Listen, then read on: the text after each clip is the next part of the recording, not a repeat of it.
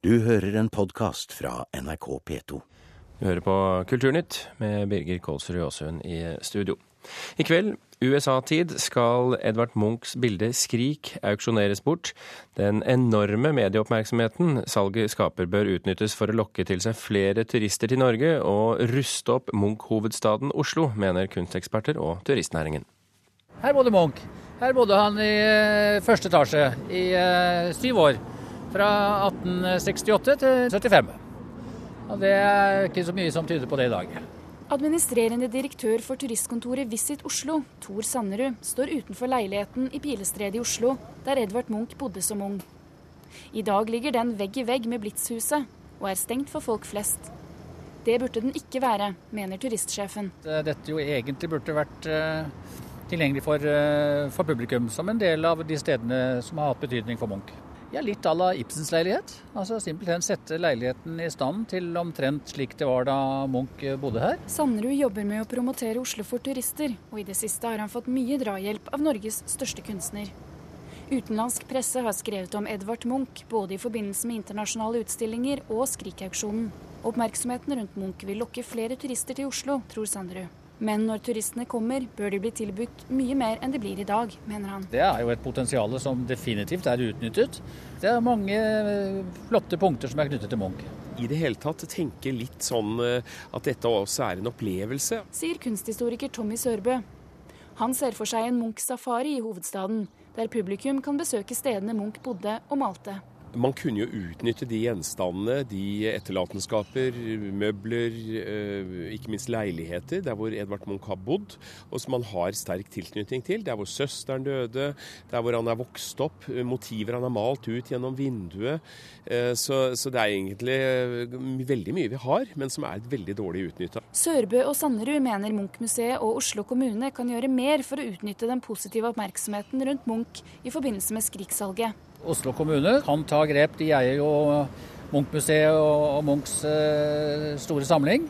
Eh, og kan selvfølgelig gjøre, ta føringer for at Munch får en eksponering som eh, er noe mer sterkere enn det den er i dag. Man kan alltid stille spørsmål om man kunne gjort mer, men vi benytter jo denne anledningen til å jobbe med Munchs internasjonale omdømme og markedsføring av Oslo. Det sier kulturbyråd i Oslo, Halstein Bjerke.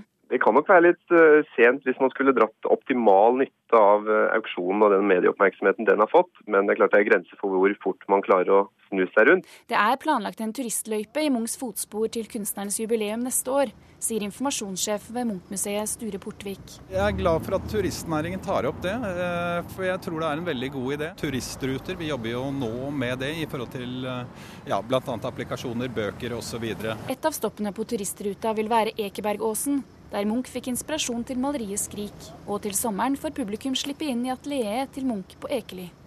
Men det blir ikke aktuelt å åpne opp kunstnerhjemmene, sier Halstein Bjerke. Det er et forslag som um, bystyret har vurdert og ikke ønsket å gå videre med. Altså Man burde være flinkere, ha vært flinkere til å ta vare på tingene, og det som er igjen må absolutt profileres. Ja, Det sa kunsthistoriker Tommy Sørbø til reporter Ida Kvittingen. Og både Visit Oslo, Munch-museet og Innovasjon Norge er altså i New York for å promotere Norge i forbindelse med auksjonen. En som også er der, er Morten Sondag, faglig, faglig, leder hos Kåre Berntsen kunsthandel. Da vi snakket med ham på telefonen for et par timer siden, så fortalte han at det er én sak kunstmiljøet i New York er opptatt av nå. Nei, Det er jo spennende. Det er jo knyttet stor spenning til salget. og det er jo Alle som er opptatt av kunst i New York, snakker jo om The Olsen Collection og om eh, Skriksalget. Det er de veldig opptatt av. Hva sier de amerikanerne du har vært i kontakt med? Nei, de er jo, eh, Alle sier at det er et fantastisk bilde, og det er eh, et one in a lifetime-opplevelse. At man har mulighet til å erverve et sånt bilde. Og som man sier, det, vel, det, er vel ikke noe bilde noensinne tidligere som har vært eksponert så mye som dette bildet. Det er mye stor spenning knyttet til det. Hvilke spekulasjoner er i gang i New York nå? Nei, når, man, når, man, når bilder i denne prisklassen kan omsettes, så er det veldig vanskelig å komme med noen spekulasjoner. Fordi folk holder ut, kortene utrolig tett på forhånd. Og det er veldig lite signaler om hvem som kommer til å by og hva som kommer til å skje. Men man har jo sine teorier. Men eh, så langt er det ingen felles spekulasjoner ute og går. Kongefamilien i Qatar har vært nevnt som én mulig kjøper. Tror du bildet ender i Midtøsten? Det er vanskelig å si, men på generelt grunnlag så har ikke Munch vært noen øh, populær kunstner i Midtøsten. Antakelig er motivene for direkte og for uh, til, til grader for erotiske til at det, Midtøsten har vært interessert i hans motivkrets. Jeg tror det er mer en spekulasjon.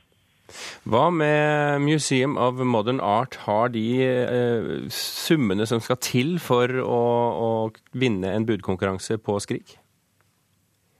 Det får vi håpe, for det er jo et, et, verk som ville vært fantastisk å få for deres samling. Og samtidig så er det jo at museet i seg selv har jo ikke budsjett, men de har jo et veldig stort støtteapparat av mange viktige mesener og rike mesenere. Så det kan godt hende at de er en aktuell budgiver i morgen, men fremdeles er det ingen, ingen signaler ute og går om det. Vi har hørt her i Kulturnytt at både Munch-museet og Visit Oslo, eh, Visit eh, Oslo, håper salget av Skrik vil føre til turistflom eh, til Norge. Tror du på det? Det er jo den eksponeringen som Munch-maleriet og Munch selv har fått gjennom denne forhåndspresentasjonen av Skrik, og med den store Munch-utstillingen i Paris for Tyskland, så har selvfølgelig interessen for oppmerksomheten omkring Munch økt voldsomt den siste tiden.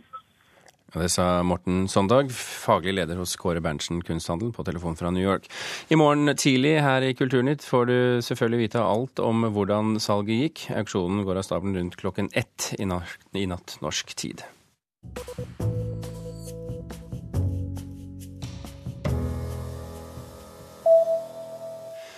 Rupert Murdoch er ikke egnet til å drive internasjonale selskap. Det skriver britiske politikere i en ny rapport. Kommentatorene mener at rapporten kan bli alvorlig for Murdoch, som er en av verdens mektigste medieeiere.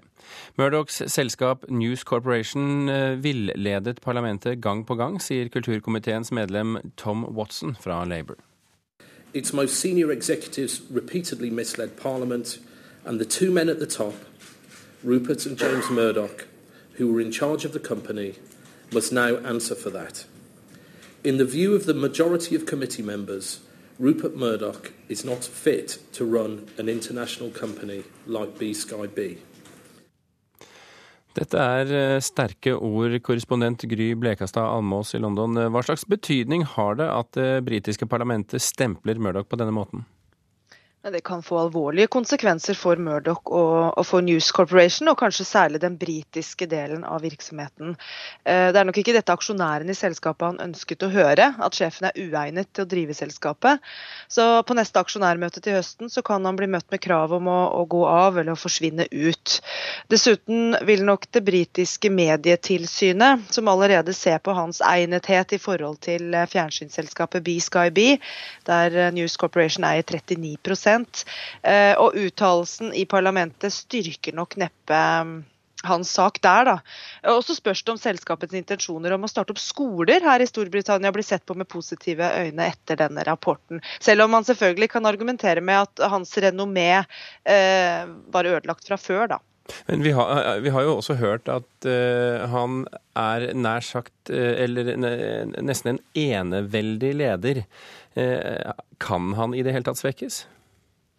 Ja, det er klart at Når han blir stemplet som uegnet eh, som leder av det britiske parlamentet, så vil jo det svekke hans eh, rolle også eh, innad i sin egen organisasjon. Men han har selv uttalt eh, at dette er en tøff lesning for han, denne rapporten. Samtidig som han eh, skriver til sine ansatte i selskapet at eh, han, han tror at de kan komme sterkere ut av dette.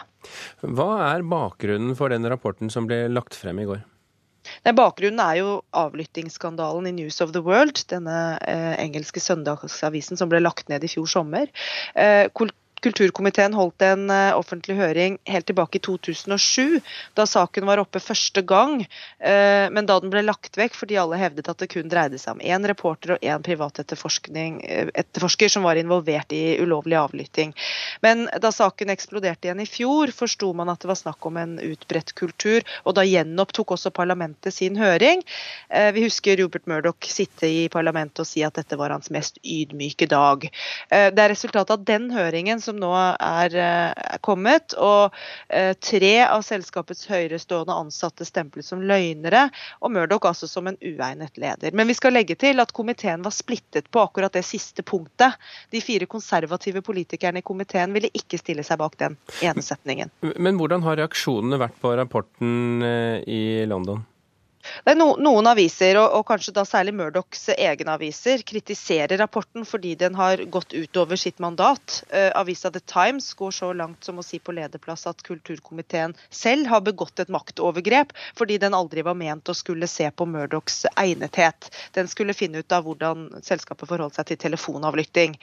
Uh, andre påpeker splittelsen i komiteen, at det er en svakhet for rapporten, mens andre igjen mener at dette er svært alvorlig. Uh, at nå Eh, når Murdoch kanskje trodde at ting ikke kunne bli verre, eh, etter at de begge forrige uke f.eks. For opptrådte i denne andre Levison-høringen som pågår, eh, at han nå da blir stemplet som udugelig av det britiske parlamentet. Gry Bleka Samås i London, takk for at du kunne være med i Kulturnytt. Og Senere i Kulturnytt skal du få høre at lite tyder på at det er kultursakene de kommer til å krangle mest om i den store presidentkandidatdebatten på TV i Frankrike. Men vi skal først tilbake til London, fordi død og morbid kunst er en av måtene OL i London vil markedsføre seg i forkant av sommerens leker. Blant de 25 000 kunstnerne og artistene som er en del av Londons kulturelle OL-festival, er nemlig den kontroversielle kunstneren Damien Hirst. Han har i den anledning sin første store utstilling i Storbritannia, som du også kan se, om du gidder å stå halve dagen i kø, da.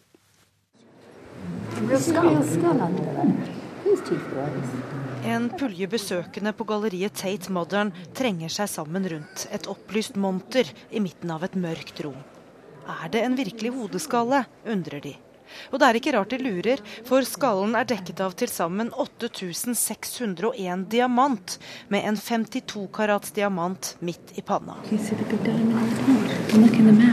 At that. Det eneste man kan se av det som var en 35 år gammel manns hode, er tennene. The Love of Gold heter kunstverket. Kunstneren er den omstridte Damien Høst.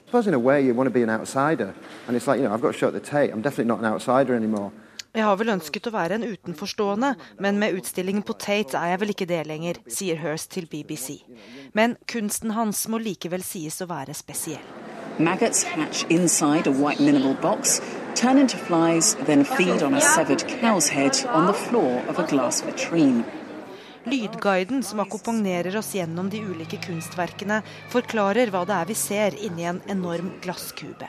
På gulvet ligger et avkappet kuhode, rundt surrer en mengde fluer. Gulvet er fullt av døde fluer. De får effektivt elektriske støt fra et elektrisk fluepapir i taket. Dette er livssyklusen fra mark som blir til fluer i skåler på gulvet, via ernæringen fra kuhodet til døden inntreffer.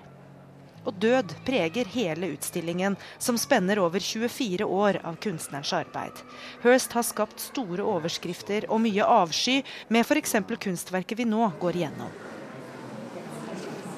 En død ku som er delt i to på langs. Begge halvdeler er satt i formalin i glasskap, og nå går vi midt imellom og studerer kuas innvoller. Et par meter bortenfor står kalven på samme måte. You know, man må få folks oppmerksomhet hvis man skal forandre tenkningen deres, sier kunstneren selv. På spørsmål om hvordan han ønsker å endre folks tankemåte, svarer han med å beskrive forskjellen på reklame og kunst. I mean, I, I the same visual language to sell you things you don't need, whereas artists use it to give you things you do need.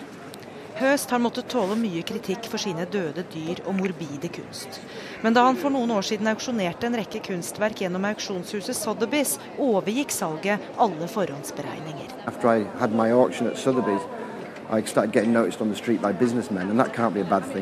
Den 47 år gamle kunstneren har oppnådd oppmerksomhet, og han har tjent penger. Og nå ser det ut til at også publikum kommer for å se det som ifølge galleriet Tate er den første store utstillingen til høst i Storbritannia. Men utstillingen er for de tålmodige. Billettkøen er lang, og når du endelig får kloa i en billett, må du vente i fem timer før du faktisk kommer inn. It's busy all the time, but that busy, especially on the weekends. Det er mye folk her hele tiden, men særlig i helgene, sier museumsvakt Caroline Engeland. Utstillingen her er en del av Londons kulturelle OL-festival. Over tolv uker denne sommeren skal til sammen 25 000 kunstnere og artister fra over 200 land sette sitt kulturelle preg på storbyen. Men om alle får samme oppmerksomhet som Damien Hirst, spørs nok. So what's the big deal Damien Hirst? I have no idea. I think because he's so provo provocative. That's the reason why everybody wants to see him. Because people think, nah, he can't do that, he shouldn't do that, but I want to see it, of course. It's always like that.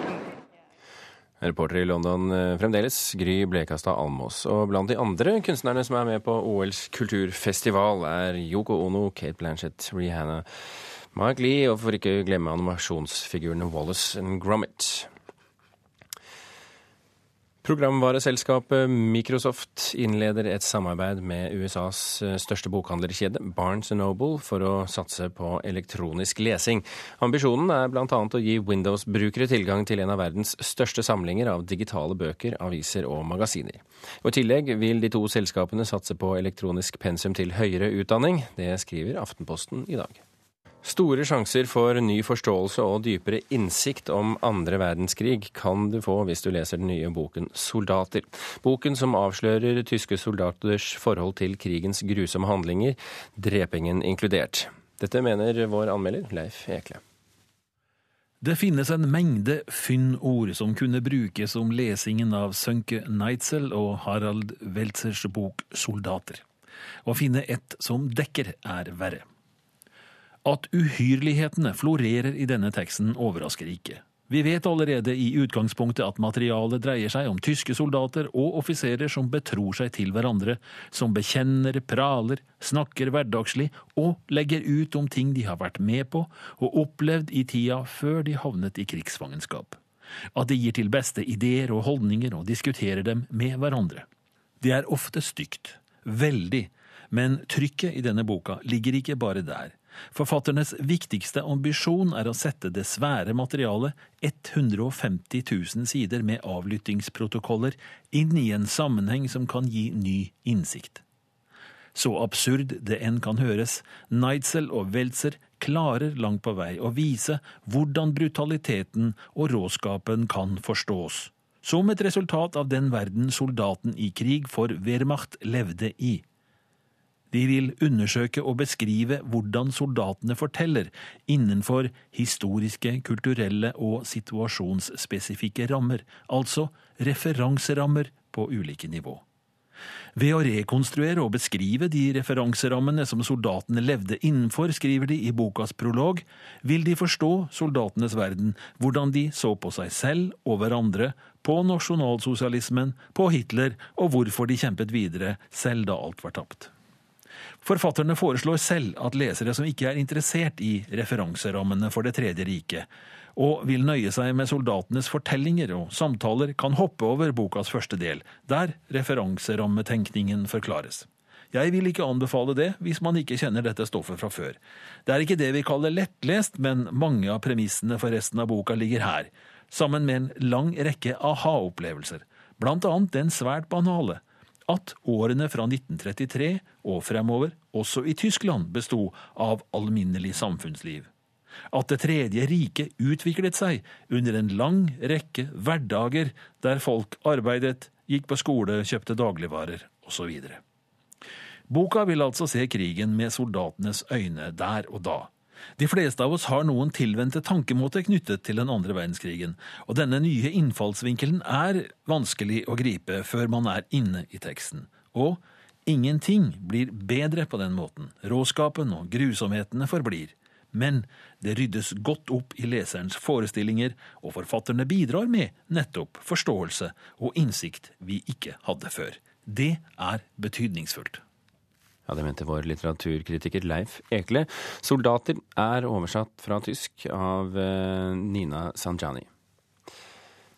Kampen mot nettpirater og faste bokpriser er noen av temaene de kulturinteresserte franske velgerne er opptatt av i forbindelse med presidentvalget. For tiden leder sosialisten Francois Hollande stort i meningsmålingene. Denne uken møter han nåværende president Nicolas Sarkozy til den eneste TV-debatten før valget. Men lite tyder på at det er kultursakene de kommer til å krangle mest om. Vraiment, la France a un niveau de, de, subvention au niveau de la culture qui est extraordinaire. Oui, parce que le français est très, très attaché à sa culture, c'est sûr. Gällande kulturbudgeten finns nog inga större olikheter mellan François Hollande och Nicolas Sarkozy, tycker teaterdirektören Colette Nucci som diskuterar med Nicole Marouani, ägare till en bokhandel i Paris sydöstra stadsdelar. Även om François Hollande, som för tillfället leder opinionsundersökningarna, lovat att utöka skolundervisningen i konstnärliga ämnen anses hans kulturpolitik inte vara mer lockande än den rivalen Nicolas Sarkozy för.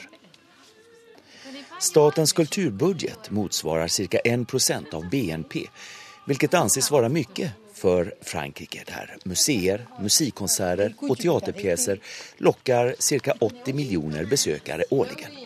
Kulturen har en stark plats i samhället och hos både politiker på vänsterkanten och högerkanten. Erik Eidou har arbetat med kulturfrågor för Nicolas Sarkozys högerparti UMP och är översättare från norska till franska. Eidou säger att även om den ekonomiska krisen slår hårt mot Frankrike tror han ändå inte det blir några neddragningar i kultursektorn, även om socialisten François Hollande skulle vinna i valet. Så vidt jeg ser, så, så vidt jeg forstår, eh, kommer vi ikke til å ha store forandringer når det gjelder kulturpolitikk. Og det er ingen av de to kandidater, Sarkozy eller Hollande, som har på en eller annen måte vi snakket om kulturlinjen.